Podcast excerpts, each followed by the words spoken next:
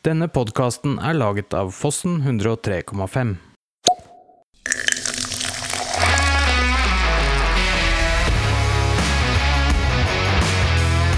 Spis! En podkast om mat for hele Ringeriksregionen. Velkommen til Spis, podkasten om mat for hele Ringeriksregionen. Mitt navn er Jonas Gutfeldt, og jeg skal være din guide gjennom den neste halvtimen eller så. Dagens episode er jo den femte i rekken av programmer i serien Spis. Eh, Vi har jo ikke holdt på så altfor lenge, men vi har rukket å gjøre noen vurderinger og betraktninger. Det vi har lagt merke til, er at de aller, aller fleste følger Spis som podkast. Og da har vi rett og slett tenkt at da gjør vi livet litt enklere for oss sjøl, og slipper eh, Spis primært som en podkastepisode. Du vil fremdeles finne Spis eh, på YouTube-kanalen vår, eh, men da i all hovedsak som rene lydpodkastepisoder. Så vil det helt sikkert dukke opp en og annen videoversjon fra tid til annen, når anledningen byr seg, men altså Fremover vil vi primært være en ren podkastepisode. Men du hører jo ikke Spis bare på YouTube.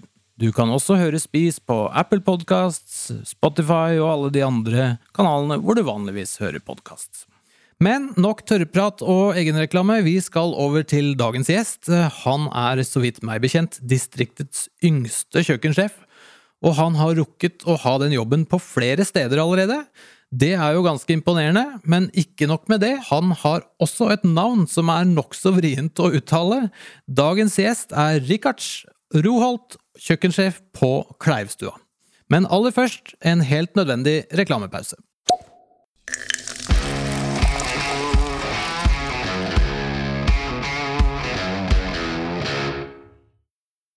Alle har en psykisk helse. Gir din psykiske helse deg utfordringer i hverdagen? Fontenehuset Hønefoss kan tilby en arbeidsplass hvor du er ønsket, verdifull og får brukt dine ressurser. Vi hjelper deg videre til jobb, studier og aktiv samfunnsdeltagelse. Du trenger ingen henvisning eller å fylle ut en søknad. Send oss en e-post, ring eller møt opp på døra, så gir vi deg en omvisning for å se om vårt tilbud er noe for deg. Fontenehuset Hønefoss finner du også på fontenehuset.com. Visste du at annonser i podkaster er tre ganger mer effektive enn i TV-serier? Podkaster har ofte lojale lyttere. Nå kan også du annonsere hos Fossen 103,5. Vi har meget konkurransedyktige priser. Sjekk episodebeskrivelsen. Der finner du en e-post du kan sende dine spørsmål til. Alternativt kan du ta en titt på nettsiden fossen1035.tv.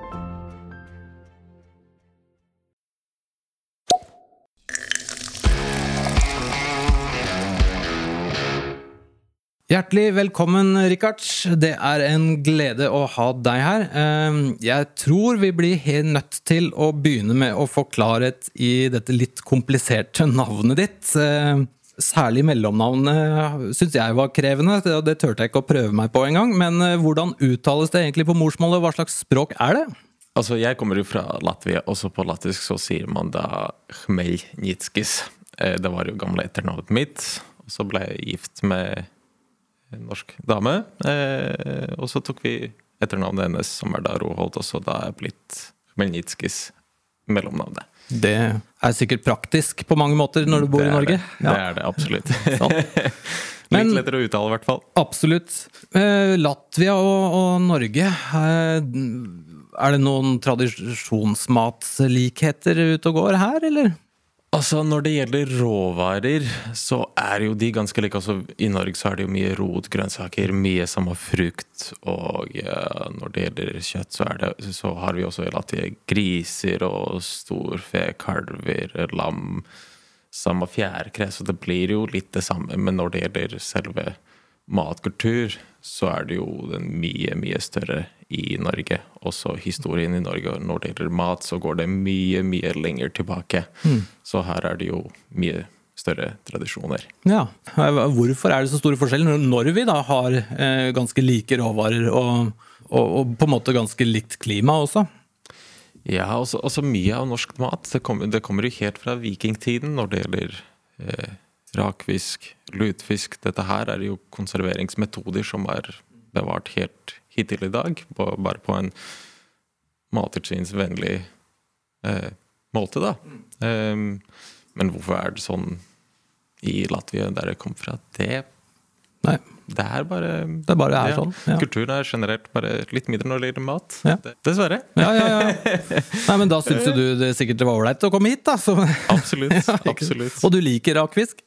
Jeg liker rakfisk. Absolutt. Du er jo ikke egentlig gamle karen, da. Eh, Snaue er 26 vintre gammel. Det stemmer. Ja, men Det stemmer. du har allerede litt av en CV. Er du en veldig motivert person?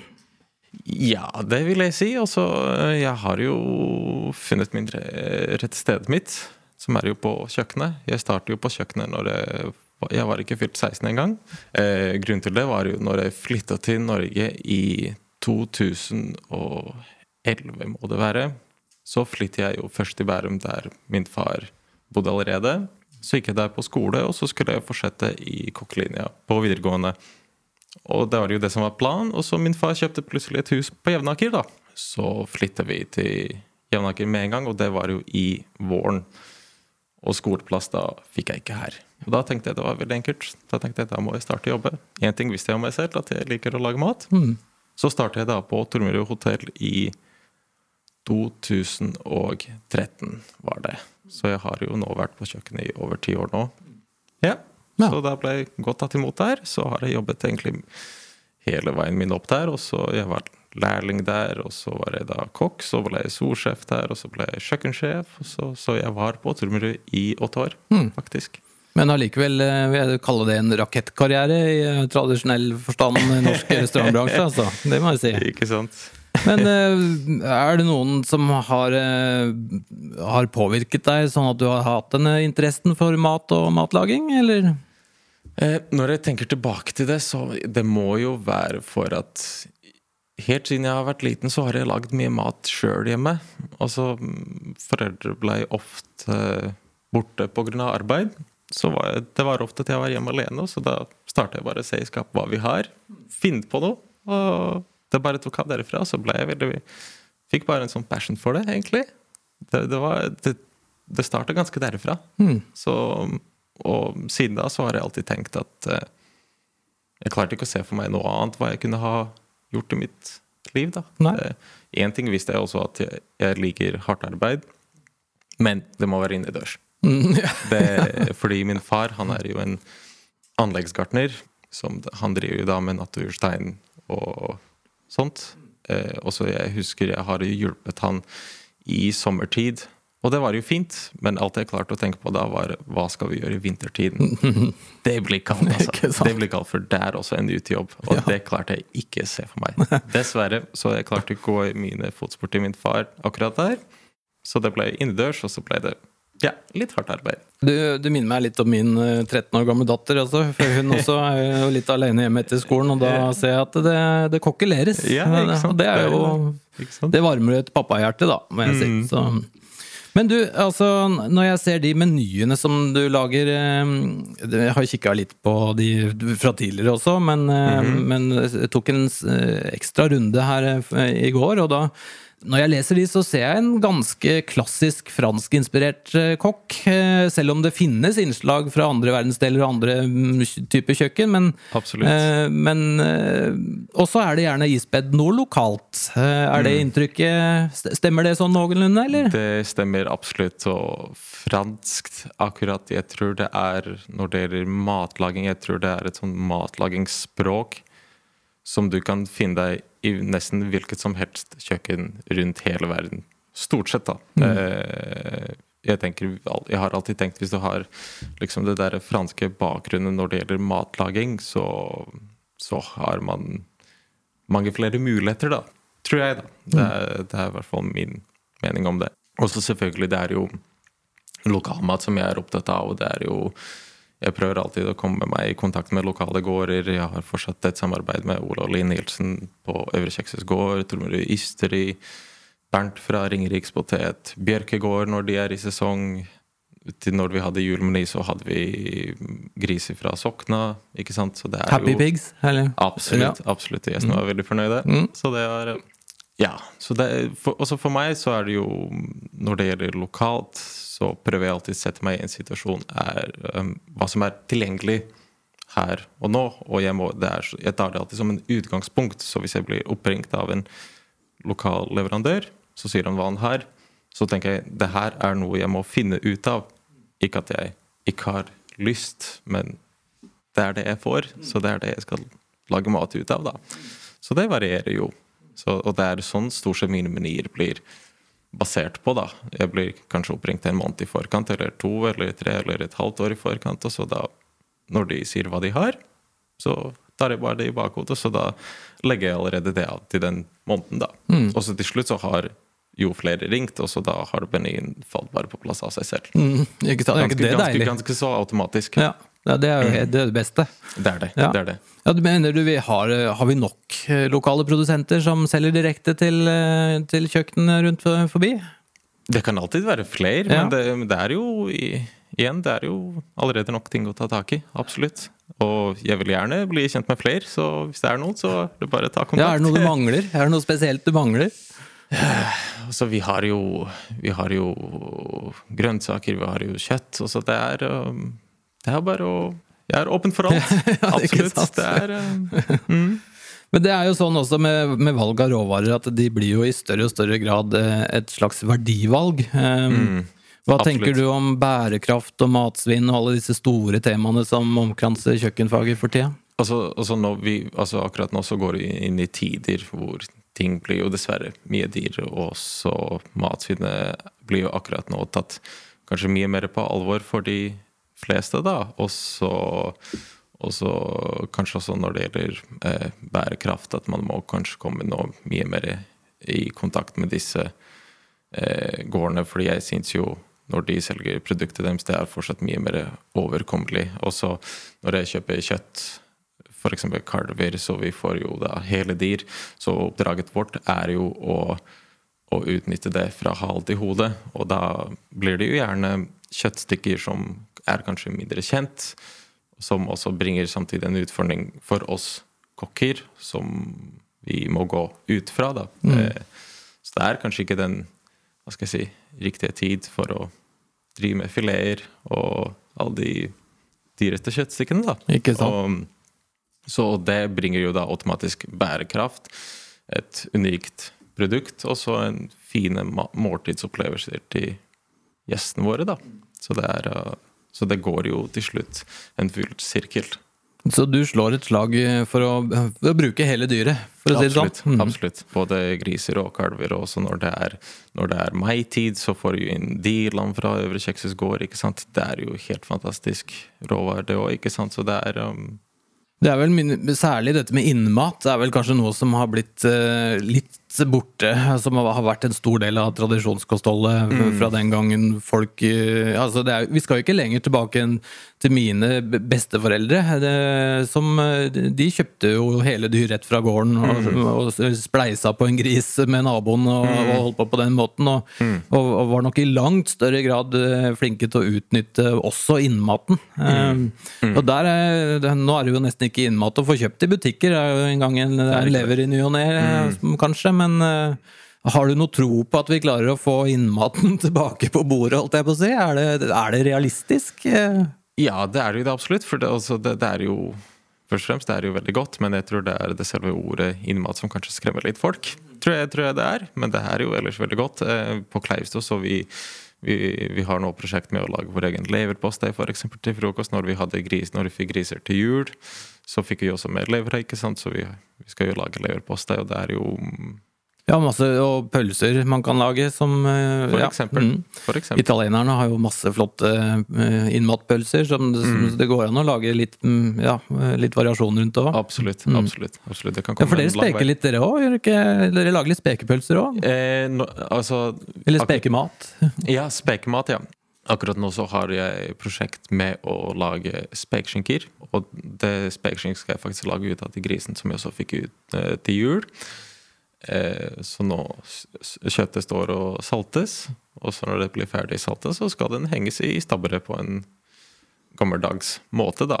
Og det kommer jo til å ta enda to år, da. Men jeg tror på at prosessen blir verdt det, da. Og så når det gjelder pølser, så lager vi våre egne steikepølser også. Så jeg har, um, det har jeg jo lagd på kalvekjøtt som er faktisk fra Øre Kjekshus gård. Så mer lokalt blir det jo ikke. Nei. Og fantastisk kvalitet og god smak. Ja. Så det. Mm. Ja, men det er gøy.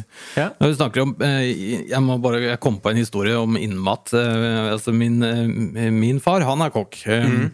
Og så var det en, en, en stund jeg jobbet i, på Tenerife, av alle steder. Faktisk, Da jobba jeg også som kokk, men det en kort, var en kort karriere. Men eh, fattern var på besøk, eh, og så skulle vi ut og spise. da, Og da hadde jo jeg selvsagt, eh, siden jeg hadde bodd der en stund, så hadde jeg jo funnet noen restauranter som faktisk var lokale. For det er ikke bare bare å finne på Kanariøyene. Det er stort sett alt mulig annet enn lokalmat. Ikke sant? Eh, Men jeg hadde funnet eh, en flott baskisk restaurant som, hvor det bare var Det var nesten bare spanjoler som gikk der. Og jeg hadde vært der og spist litt sånn småomretter og sånt nå, men så tok med fatter'n dit. da, og Jeg trodde jeg hadde lært meg nok restaurantspansk til at jeg kunne forstå menyen ordentlig. Det hadde jeg tydeligvis ikke, da, for det, så vi ble bare anbefalt et par retter, og der fikk vi en eh, baskisk kumagestuing slash gryte av noe slag. Ja. Og det er antageligvis det verste både jeg og fatter'n noensinne har spist. Jeg tror ikke vi klarte å få i oss mer enn to biter. Ja. Men det var, det var flaut, egentlig, å sende den ut igjen. Eh, det- det- Jeg kjente på det, en skamfullhet eh, da. Mm. Men eh, ja, Så det er ikke alltid at eh, innmat og tradisjonskost nødvendigvis smaker så Absolutt, absolutt ikke. alle. Det er jo noe med det, men kanskje hva man er vant til, da. Og det er jo litt av poenget med dette med innmaten. Altså, vi, vi har mista på en måte kunnskapen om, eh, om hvordan det smaker. Vi har aldri smakt det som unge, som barn eller som ungdommer. Og da å, å lære seg noen nye smaker i voksen alder, det er ofte litt vanskeligere, kanskje. Det, det er nok det. Det er nok det. Også det, mm, det, også, det handler jo også litt om hvordan man tilbereder også innmaten, da. Det er jo også Ja. Ja, for det kan jo gå gærent. ja det, det kan gå veldig gærent. Men Kleivstua, eh, nå har jo du vært der en stund. Er det blitt Ja, det et par har- år, eller? Det har nå blitt et år, faktisk. Ja, ett år, ja. ja. Hva slags forhold har du fått til det stedet så langt? Kleivstua er et helt fantastisk sted, og jeg har funnet min rette plass. Jeg har helt fantastiske kollegaer, og det kunne rett og slett ikke vært bedre. Nei. Så det er, Kleivstø er jo et sted hvor vi har eh, brylluper hver eneste helg. Vi har eh, kurs- og konferansegjester på eh, virkedager. Og så har vi også litt privatgjester, de som ønsker å komme opp til oss og spise, eller overnatte og ha en hva skal jeg si, en full pakke da, Mm. hos oss. Eh, så jeg trives veldig veldig godt på Kleivstua. Har, har dere à la carte også hver helg, eller? Vi har, vi har jo tilbud eh, yes, De som har lyst til å komme til oss, så har de mulighet. Man må klart må bestille et bord i På forhånd. For, forkant. Er, men så er det jo også Når vi har lørdager, så har vi ofte et bryllup, da. Mm. Som blir da gjerne et lukket arrangement. Men det er fortsatt lov å ringe oss og spørre om det er mulighet for det. Så har vi det, så ønsker skulle deg veldig gjerne velkommen. Ja, Så bra. Så man kanskje kan få en, eh, få, få en bit del av bryllupsmenyen hvis man eh, skal spise bryllupsmeny hver helg. Det hadde jo vært noe. Det, det hadde vært noe. Ja, det eneste, Jeg syns også Klaustua er et fantastisk sted, men det eneste som jeg ikke liker med Klaustua, det er den bakken opp om vinteren. Altså, hvordan, har du, hvordan har du det med den? Er du trygg i den? Ja, så jeg har jo en firehjulstrekk på bilen min, så jeg har nok ikke problemer. med det, det har vært noen ganger hvor det har vært litt glatt. Men igjen, de som er ansvarlige for veien, de, de tar som regel godt hensyn til veien. Og så hvis det snør, så er de ganske fort ute med brøytebil og med å strø og salte. Så Det er bra. Jeg kjenner jo litt godt han som eh, kjører eh, senge, sengetøy og laken eh, opp til dere. Og han er jo ofte hos meg før han kjører opp til dere. Ja, ja, Så ja. Så på de dagene som, som det er glatt, så, så ser jeg han uh, ikke alltid gleder seg. ikke sant? Ikke Men det, men det er noe så. Det har vært noen ganger noen leverandører som ringer meg i forkant før de starter å kjøre opp, og så sier de 'hvordan er veien opp', da? Og så hvis jeg vet at det, er, eh, det kan være litt glatt, så sier jeg det er bare å ta på kjettinger, ikke prøv. Heller, heller ta din tid til å ta på kjettinger, så er du sikker på at du kommer opp, enn at du går på tvers midt opp bakken. Ja, for det det, er det, ingen som, det er det ingen som ønsker. Ja. Du, er det noen eh, planer eller prosjekter på Kleivstua i fram, nær framtid som du gleder deg spesielt til, eller? Ja, vi, altså, som sagt akkurat nå så vi, vi har noe spekemat uh, på gang. Vi, har, uh, vi, har, eh, vi er i gang med å lage pålegg til frokost og skinker og som sagt leirposter, pateer til frokost. Så akkurat nå så er jeg litt opptatt av den biten der. Når det er vintertid og får ikke gjort så mye annet enn det. Mm. Så kommer det klart, det kommer sommertid også da kommer det masse fine råvarer til meg i tiden. ikke sant? Kommer til å få sikkert lam fra Øvre Kjekshus, og uh, det kommer masse fine grønnsaker, asparges. Det blir sikkert ramsløk, ikke sant? Ja. så det blir jo en del sanking av det. Uh, Ja, for du sanker litt, du også? ja, du er vi, og... vi, vi kokker vi pleier å ta oss en god runde, og så sanker vi opp masse, og så konserverer vi det, eller hva vi gjør med det, og så har vi det nok gått nesten for et helt år. Det er en bonus i jobben å kunne gå ut og plukke litt sopp og, Ja. og litt tyttebær. Ikke og, sant? ja. ikke Mm. sant? Og så kommer det litt seinere i sommertid, hvor vi kommer til å komme i gang med vår egen hage. Den er jo allerede i gang, men da kommer det masse fine Ja, Hva grønnsaker. dyrker du der? Grønnsaker eller bare urter? Eller begge deler? Eh, det, er begge, det er begge deler. Også når det gjelder grønnsaker, så må man ha litt i bakhodet hva som tåler litt norsk Mm. klima. Også når det er, når det er oppe på Kleivstad, så kjenner du på det litt mer, kanskje, for det kan plutselig være litt kalde netter. ikke sant? Så du må ha noe som tåler litt Robuste. frost, Mm. og kanskje en ordentlig solsteik på dagen, ikke sant? som Mm. kommer seg gjennom hele. Men det er jo stort sett som f.eks. grønnkål er veldig fint, og eh, purreløk og litt sånne type grønnsaker. Da også urten, litt harde urter som timian og persille. Gressløk som vokser jo helt vilt når den er første gang, ikke sant? så man må tenke litt sånt. Mm. Ja, det er Eh, smart.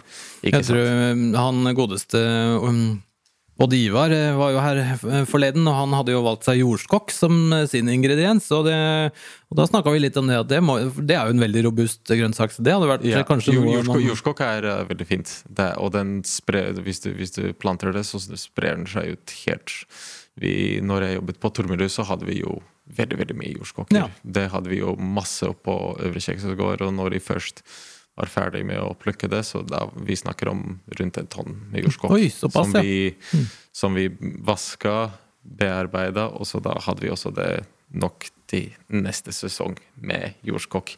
Og da beholdte man jo gjerne to-tre kasser med jordskokk, som man kunne plante om igjen. Så har du da igjen like mye til neste år.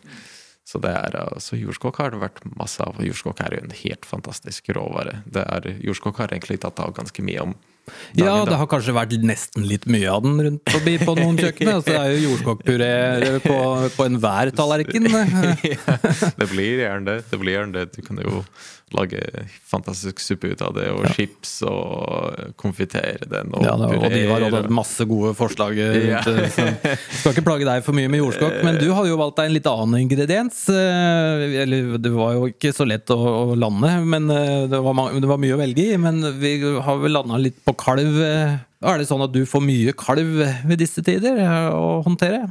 Ja, altså, altså jeg har jo fått uh, kalv fra, som sagt, fra Øvre Kjeksøys gård, og det er jo og det som gjør det så morsomt, som jeg nevnte i stad, er jo at um, du får liksom muligheten til å utnytte hele dyret, som er det jo, som jeg nevnte, fra hale til hode, ikke sant. Og um, det er egentlig det. Og så er det jo kjøtt som gjenstår, som man kan lage pølser ut av, og, og så øke verdi på selve dyret, da. Mm. Men det er jo litt av en jobb, da. Altså En hel kalv inn på det. Det er ikke så stort det kjøkkenet heller. Hvordan håndterer du det rent praktisk? Er det Slår du sammen noen benker og altså, dette er kan, Benkeplass er ikke noe problem. Nei. det, det handler om å ha nok folk Ja. rundt den jobben, da. Mm. Ja, for det det- skal jo helst gå i et visst tempo også. Det er noe med det. Det er noe med det. Absolutt. Så det, det må være litt krevende. Eh, Det er det. det, er det. Og så skal det bearbeides, og noe må jo da konserveres på en måte. For eh, hvis dere kjøper hele dyr, så skal jo det holde en stund også. Så, Absolutt. absolutt. Det er snakk om flere hundre kilo med dyr man får da. så hvordan gjør dere det? Har dere masse frys, 100 fryserskap, eller hvordan eh, Det krever rett og slett en del En del frys, ja. Rett og slett. Det er det det gjelder. Absolutt. Det, det kan jeg se for meg. Ja, Jeg er også veldig fan av å kjøpe større stykker eh, der man kan. og Det er jo ikke alltid så lett for eh, vanlige forbrukere da, Mm. å få muligheten til det. Altså, vi kan kanskje kjøpe et lam om sommeren eller sånt, Mm. nå, ikke sant? og stykke det opp. Det klarer man kanskje på kjøkkenet hjemme også, eller på kjøkkenbordet eller stuebordet. Men én ting som jeg tenker som jeg syns alle burde lære seg først som sist, eh, og det er å stykke opp kyllinger.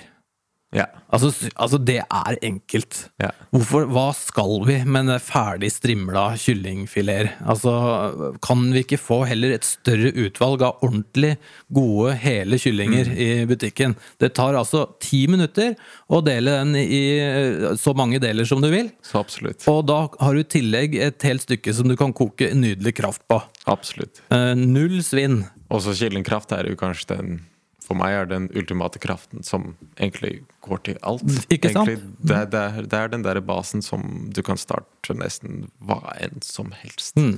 Kyllingkraft har en unik smak. Det er ikke noe annet som er i nærheten. Nei, det, der, det synes jeg folk, Der må folk skjerpe seg, rett og slett. Altså, og dette, er, dette er veldig enkelt, folkens. Dere bare Gå på YouTube. Det fins en hel drøss med instruksjonsvideoer om hvordan du Absolutt. kapper opp en kylling. Det er ikke vanskelig. Du kan selvsagt finne avanserte Se på noen av disse japanerne og metodene deres. De, det, det er avansert eh, for meg også. Men, eh, men det fins måter å gjøre dette på på en helt ok, enkel, grei eh, oppskrift, altså. Som, og har du gjort det tre ganger, så kan du det. Absolutt. Så, men det er litt annerledes enn å partere hele dyr, for jeg har også gjort det noen ganger. Ikke, ikke kalv, men, men, men lam, da, gjerne. Og eh, jeg må jo innrømme at jeg roter litt uh, hver gang, det er ikke så ofte jeg gjør det. ikke sant? Og da blir det litt sånn at man skjærer litt feil her, hvor var den, og det, hvordan får jeg delt dette, og det, ikke sant? Å finne hvor skal jeg inn med kniven. Og da, det krever jo litt trening, da. Ja. Men har du noen tips hvis, du, hvis folk uh, skulle prøve seg litt selv på å tørre å kjøpe en, en halv For man får jo kjøpt halve griser fremdeles. Mm. Og det kan man jo spleise med naboen, f.eks. Altså, hvordan, hvordan, hvis du aldri har gjort det før, hvordan går du til verks? Nei, altså for eksempel, hvis, det eksempel gjelder lam, da, eh, så er det jo kanskje viktig å først kjenne til de kjøttstykkene, og for det andre hvor de sitter hen. Det er viktig. Å ha en god, rett, fleksibel kniv. Det er nok det, de tre tingene som man burde starte med. Og så har du en god, skarp, fleksibel kniv, så kommer du deg rundt det meste. Og ikke avslutte de kjøttstykkene for tidlig, da, spesielt hvis man skal for eksempel, Hvis du får et helt lam, da, så er det veldig ofte at man avslutter låret for tidlig. Da, ikke sant? At du ikke tør å gå lenger opp. Ikke sant? At du kapper den av egentlig altfor tidlig. Da, eller avslutter ytrefilet for tidlig, sant? som sitter ytterst på ryggen. Ikke sant? Så det er liksom de der tingene, da. Det er det som er Ja, det er man må på en måte man, Det er litt sånn med det også, man må bare ha gjort det en gang eller to, og så, og så blir man jo bedre. Mm. og får erfaringen med hvor, hvor ting er. Absolutt. Så det jo, handler jo litt om det å, å bare tørre også. Absolutt. Jeg har også kjøpt et par kokebøker om partering og, og forskjellige typer stykkingsdeler fra forskjellige land og sånn, og det er jo ikke alltid like lett, syns jeg, å lese ut av bilder i en bok hvordan disse tingene egentlig henger sammen. Det er noe med det, altså når du tar et nærbilde av eh, liksom lårbeinet, så, så er det ikke Det er ikke nødvendigvis like enkelt å gjenkjenne det i virkeligheten. Ikke sant. så, så man må bare prøve. Det er det. På kalven så er det jo masse fine fileter, og det er masse, massevis av eh, gode stykkingsdeler, men det, til syvende og, sist, og litt innmat, som vi har vært innom også, men, men til syvende og sist så er det jo ganske mye kjøtt som ender opp som kjøttdeig eller karbonadedeig. Og, og hva gjør du med, med, med alt det kjøttet? Ja, det er jo mye Når, når kalven blir partert, så kommer det jo en del avskjær som går som en slags som man kaller for produksjonskjøtt, som blir da kvernet i kjøttdeig. Eh, og der er det jo veldig fint at vi Det er derfor vi har f.eks. pateer som vi lager av. Også som jeg nevnte i stad, at vi også lager våre egne grillpølser som vi serverer når det er grillinger og sånt. Og der er det veldig fint bruk til, da. Mm. Så, også, når, når, også de grisene som vi også fikk, der, fikk vi også, der har vi også en del eh, kjøttdeig, da. Og det, og det går jo da i leverpostei for å lage den litt mer grov, da. Mm. Er- Dansk style? Ja. Absolutt. Ja, det er herlig. Ja, nei, det er jo det er ikke til å komme fra at det blir litt kjøttdeig, og pølser er jo Ja. alltid en, et godt triks for å bruke det. Så det er bare å skaffe dere sånn pølsesveiv mm. hjemme. Det er Det er, jeg har noen herlige bilder av barna som uh, lager julepølser, blant annet. Eh, som er, er en sånn uh, tradisjon hjemme hos oss. Og det, det, det er vel verdt bryet, altså. Mm. Det blir alltid godt. Absolutt. Ja, nei, men det var mye om, om dyr og kalv særlig, om Mm. eh, partering og den slags. Men, eh, og vi har jo vært innom hagen deres, men hva, hva skjer videre i sesongen? Nei, også da kommer det jo Det kommer jo da juli, og så hvis du er veldig veldig heldig, og så er det litt regn, så er det jo kanskje håp for de første kantarellene. Eh, 2023 for eksempel, det har jo vært definitivt det aller beste år som jeg har noen gang sett for sopp. Det har vært så sinnssykt mye. Og ja, det, det har vært sånn at det har vært absolutt fulle sekker. Titalls kilos vis med kantareller. Og, um, så jeg har vært veldig mye ute og plukket sopp for uh, jobben. Og uh, ja, og da er det sånn at du har så mye at du nesten har ikke lyst til å se noe mer, fordi du har allerede to fulle sekker. Din, du har fjernet genser fra deg som du har allerede fylt opp med kantareller, som du har over ryggen din. Så har du ikke mer plass, men så ser du mer, så må du ta mer. ikke sant? Så det har vært Ja, for det kan være ødelagt i morgen. ja, det er noe med det. Så, og det, i 2023 så har det jo vært veldig veldig mye regn, og det har vært helt suverent år for sopp. Det er som sagt aldri har sett noe liggende, så jeg håper det blir like mye. Du håper ikke på like mye regn, håper jeg, men eh, ja, I hvert fall nok kurver og nok folk til å ta, tas opp, så blir dette veldig bra. Ja, ikke sant. Men hva, hva gjør du med ja, du Sylter du noe òg, eller bare fryser du? Forveller du før du fryser, eller Eh, hvordan eh, Gjør du når- litt forskjellig? Eh, når det gjelder f.eks. kantareller, da sylte jeg jo det meste, faktisk. Og det kjørte jeg jo i oktober i 2023, sammen også med kalv, faktisk. Kjørte sammen til hovedrett. Det var veldig veldig godt. Sylte kantareller. Eh, og så hvis det var f.eks. trakt eller steinsopp, det, det vanligvis tørker vi, som vi da lager en suppe ut av til seinere. Skogsoppsuppe er veldig populær rett på? Kleivstua. Hva har du i den? Eh, Det er rett og slett en god blanding av sopp. Du, man skal helst ta litt, bitte litt av alt, sånn at det er ikke bare dominerende av en slags sopp. Og så har du en god kyllingkraft. Du har masse hvitvin og timian og løk, og så bare lar, gir du bare tiden deres, og så lar du bare koke ut. Mm. Og så kjør opp. Og litt masse fløte. Litt fløte. ikke bare litt masse. Det er jo ganske mye fløte, ikke sant? Ja. Så, så blir det en veldig fantastisk suppe som alle kan lage, tror jeg. Du jevner ikke med nå, eller? Nei, det blir jevnt av Det blir jevnt av soppen. Ja, ja, Mm, det er et godt tegn. Ja, det, har du noen ideer? Er det noen spesielle hvitviner som eh, er best til sånt, eller? Når det gjelder egentlig generelt vin til mat eh, når, du når du koker vin, og så skal du lage vinsauser eller eh, gryter eller fiskesauser med hvitvin eller hva enn som helst Så jeg syns ikke at man skal på en måte leite i, i Vinmonopolet-hylla etter den aller dyreste vin, da, fordi du koker det superlenge uansett. Og du avbalanserer smakene sjøl etterpå, om det er sødme, om det er syre, om det er salt, eller hva enn det er, da. Så vin, bare når du har kokt ut, så forsvinner den derre eh, Hva skal jeg si Den derre syren av vin, og så du avbalanserer det helt sjøl etterpå. Så man trenger ikke en dyr vin da, for det. Og så har det en åpen flaske hjemme som har Ja. ligget der i noen dager, så er det perfekt til å bruke. Jeg er helt enig, og det jeg også kjøper rimelig vin til der. Men jeg, mm, det eneste jeg prøver å styre unna, er vel faktisk viner som er fatlagra, som har tydelig fatsmak. Eh, Riktig. Det syns ikke jeg passer til eh, sånne type ting. Men, Riktig, eh, men det er personlig smak. Det kan godt tenkes andre liker det, men et annet triks jeg har der, for det er jo ikke alltid du har den der halve flaska med hvitvin som du, kunne, som du har til overs å hive i sausen. Eller du har sikkert det på Klaustua, men eh, det er, vi hjemme har ikke alltid det. Ikke sant? Men jeg har et lite ninjatriks der, og det fungerer ganske godt eh, til en del sauser og til f.eks. risottoer og sånn. Og det er rett og slett å ha en flaske med tørr vermut stående. ja.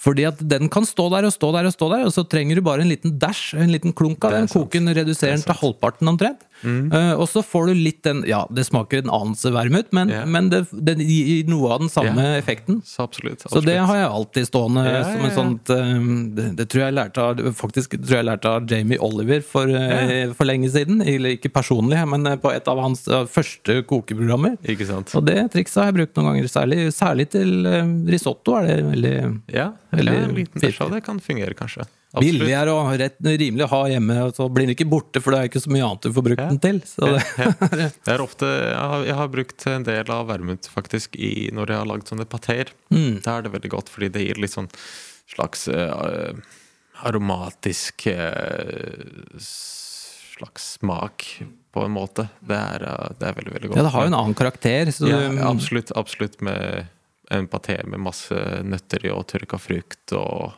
supergodt. Mm. Absolutt. Ja, nei, ble ja, blir jo sulten av dette her, da. Det er jo det, er jo det som er farlig med disse programmene. Men eh, du, jeg må nesten eh, kjapt tilbake til eh, For nå har vi, vi har vel gått nesten hele sesongen rundt nå. Vi er vi på høsten igjen nå, så allerede, så jeg håper jo å se deg her igjen før neste høst. Så, vi, så at, vi kan, eh, at vi kan snakke om neste jul neste gang du kommer, for å si det sånn. Ja.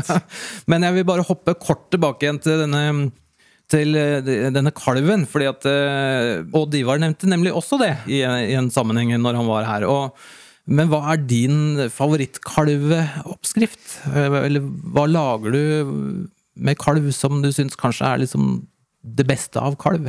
Best of kalv.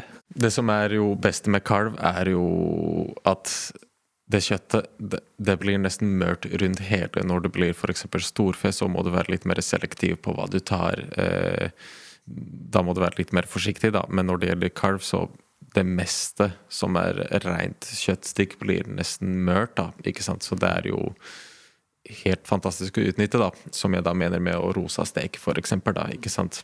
Men når det gjelder og hvordan jeg tilbereder kjøtt, så jeg tror jeg er egentlig mest glad i å bressere ting. Det, bressering er veldig godt, så det blir gjerne f.eks. en høyriga-kalv som du bare har masse rødvin over, masse kraft, eh, krydder av lavbevla, hel pepper og einerbær og masse løk, purreløk, selleri, gulrot over, og så bare lar du den pressere seg i minst 12-15 timer. Så kjøler du den ned i kraft. Da er du på 120 grader omtrent, da? Eller 110? Eller Eh, 90 grader 90 fungerer grader, fint. ja. Så Mm. lenge den har um, så, så lenge den ligger der lenge nok, Mm. så er 90 grader perfekt. For da blir kjøttet mørt, også, den, også når du kjøler ned i, i det samme kraftet. For det som skjer ofte, jeg har sett mye feil, at når man har bressert et kjøttstikk, at man tar det ut fra kraftet for tidlig. da. Og det som skjer når du tar et varmt kjøttstykke, det er blitt litt som en svamp. Så alt bare renner rett ut, og så blir kjøttet gjerne tørt når du varmer det opp på nytt, eksempel, da. Hvis du spiser det med en gang, så går det jo fint, men mm. da er det litt av en planlegging da, hvis du skal starte å pressere kjøtt 15 timer før eh, Ja, middag. da. ikke sant? Så det er gjerne en sånn eh, forberedelser i forkant, da. Så det er jo, det er jo egentlig En rotmos til det, og så er vi i mål, på en måte? Eh, Ja, eller som Ikke minst det krafta som er jo etter igjen fra det, da. Når du siler det, så bare reduserer det, og så har du bare to-tre kladd med smør oppi, så har du en, allerede en saus som du ikke trenger å tilsette noe som helst til. Som er en helt fantastisk um, rødvinsaus, eksempel. Ikke sant? Så det, er, eh, så det er kanskje det. Men rosa rosastekt kjøtt er også alltid godt, selvfølgelig. Jeg tror du beskrev min eh, kones favorittrett her nå, egentlig. Eh, Så det er alltid en, en eller annen bøff bourgogne-variant, Ja. ikke sant? Som Ja. det Da ser jeg hun blir ekstra blid når hun kjenner lukta av den Ikke på sant? ja. Ikke sant? Og buff bourguignon, det er jo også helt fantastisk. Ikke Det er, har lagd en del av det. Og så det er jo også masse rødvin, masse kraft, og så alle de standard grønnsakene og krydder. Så bare la det koke lenge nok. Så blir det en god, veldig god resultat til slutt. Absolutt. Men altså, denne, denne kalven er jo egentlig relativt mager, øh, mm. og selv, selv høyryggen, på en måte. Eh, Er det, er det litt sånn nødvendig å ha noe med noe ekstra fett eh, tilsatt i sausen, eksempel, eller sånn? Er det Eller fungerer det godt som En god fetsaus er alltid godt. ja, det, ja. Om det er en barnet eller en uh, hollandaise eller en uh, god smørsaus, rett og slett, eller en rødvinssaus med masse smør i. Det er alltid godt. Ja, kalv er jo et magert kjøtt. Det, det er det jo også tilbehøret Man kan jo gå helt italiensk med det òg. Altså bare altså rosasteke en kalvefilet av noe slag, og så bare litt god olivenolje på toppen. Og så er jo det fett, det også. For Og det, uten at det nødvendigvis er så usunt. Absolutt, absolutt, absolutt. Jeg har en annen favoritt også på kalv, da. eh, Som, og den spiser vi ofte litt sånn eh, egentlig litt off-season, men det, det er nå vår smak. Men det er en god, gammeldags, eh, klassisk wienersnitsel.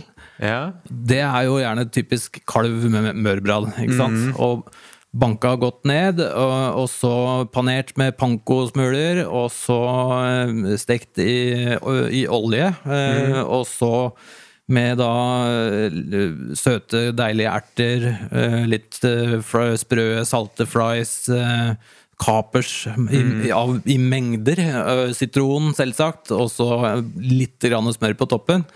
Og det er jo, For meg så er det Det er sånn høstmat hjemme hos oss, da. Men, Mm. Og det går an å jukse og bruke vanlig mørbrad når du banker den sånn flat som det. da. absolutt. Men, absolutt. Og det er kanskje litt kitsch, jeg vet ikke, med wienerschnitzel, men eh, jeg syns det er godt, det, da. Det er, det er veldig godt. Alt er eh, som er litt sprøtt og stekt i masse smør eller olje, blir veldig, veldig godt. Men wienerschnitzel er jo veldig, veldig godt. Det er, eh, det er noe man kan aldri bli lei av. Nei, ikke sant. Og enkelt å lage. Mm. Det er det. Ja. Det er det. det, er det. Du, helt til slutt Nå må du bruke forestillingssansen din litt. Tenk deg at det er søndag. Du har fri. Du fikk tak i alle de råvarene du ønska deg på butikken eh, dagen før. Eh, Men det var ikke noe kalv der. Det var tomt for kalv. Bankkontoen var solid, så det var ikke penga det sto på. Og du, hadde, du har hele dagen på deg. Hva serverer du til kona? Altså, hverdagen min består jo generert av mye kjøtt på jobb. Det er jo mye kjøtt som gjelder, så når jeg gjerne er fri, eller når jeg er ute og spiser, så blir det gjerne litt det motsatte, som er kanskje da sjømat. Skalldyr er jo eh, veldig godt, så jeg tror det egentlig hadde vært rett og slett kanskje Sjøkreps er alltid veldig godt, eksempel. Det, det hadde vært noe. Så egentlig rett og slett masse forskjellige skalldyr. Østers og Det hadde vært godt. Ja, det, det var en god idé.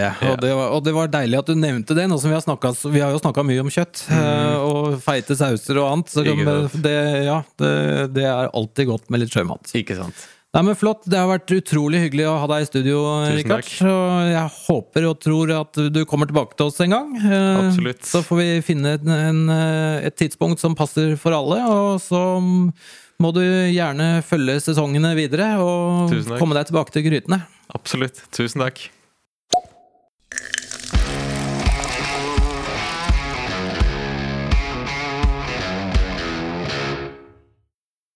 Alle har en psykisk helse. Gir din psykiske helse deg utfordringer i hverdagen? Fontenehuset Hønefoss kan tilby en arbeidsplass hvor du er ønsket, verdifull og får brukt dine ressurser. Vi hjelper deg videre til jobb, studier og aktiv samfunnsdeltagelse. Du trenger ingen henvisning eller å fylle ut en søknad. Send oss en e-post, ring eller møt opp på døra, så gir vi deg en omvisning for å se om vårt tilbud er noe for deg. Fontenehuset Hønefoss finner du også på fontenehuset.com.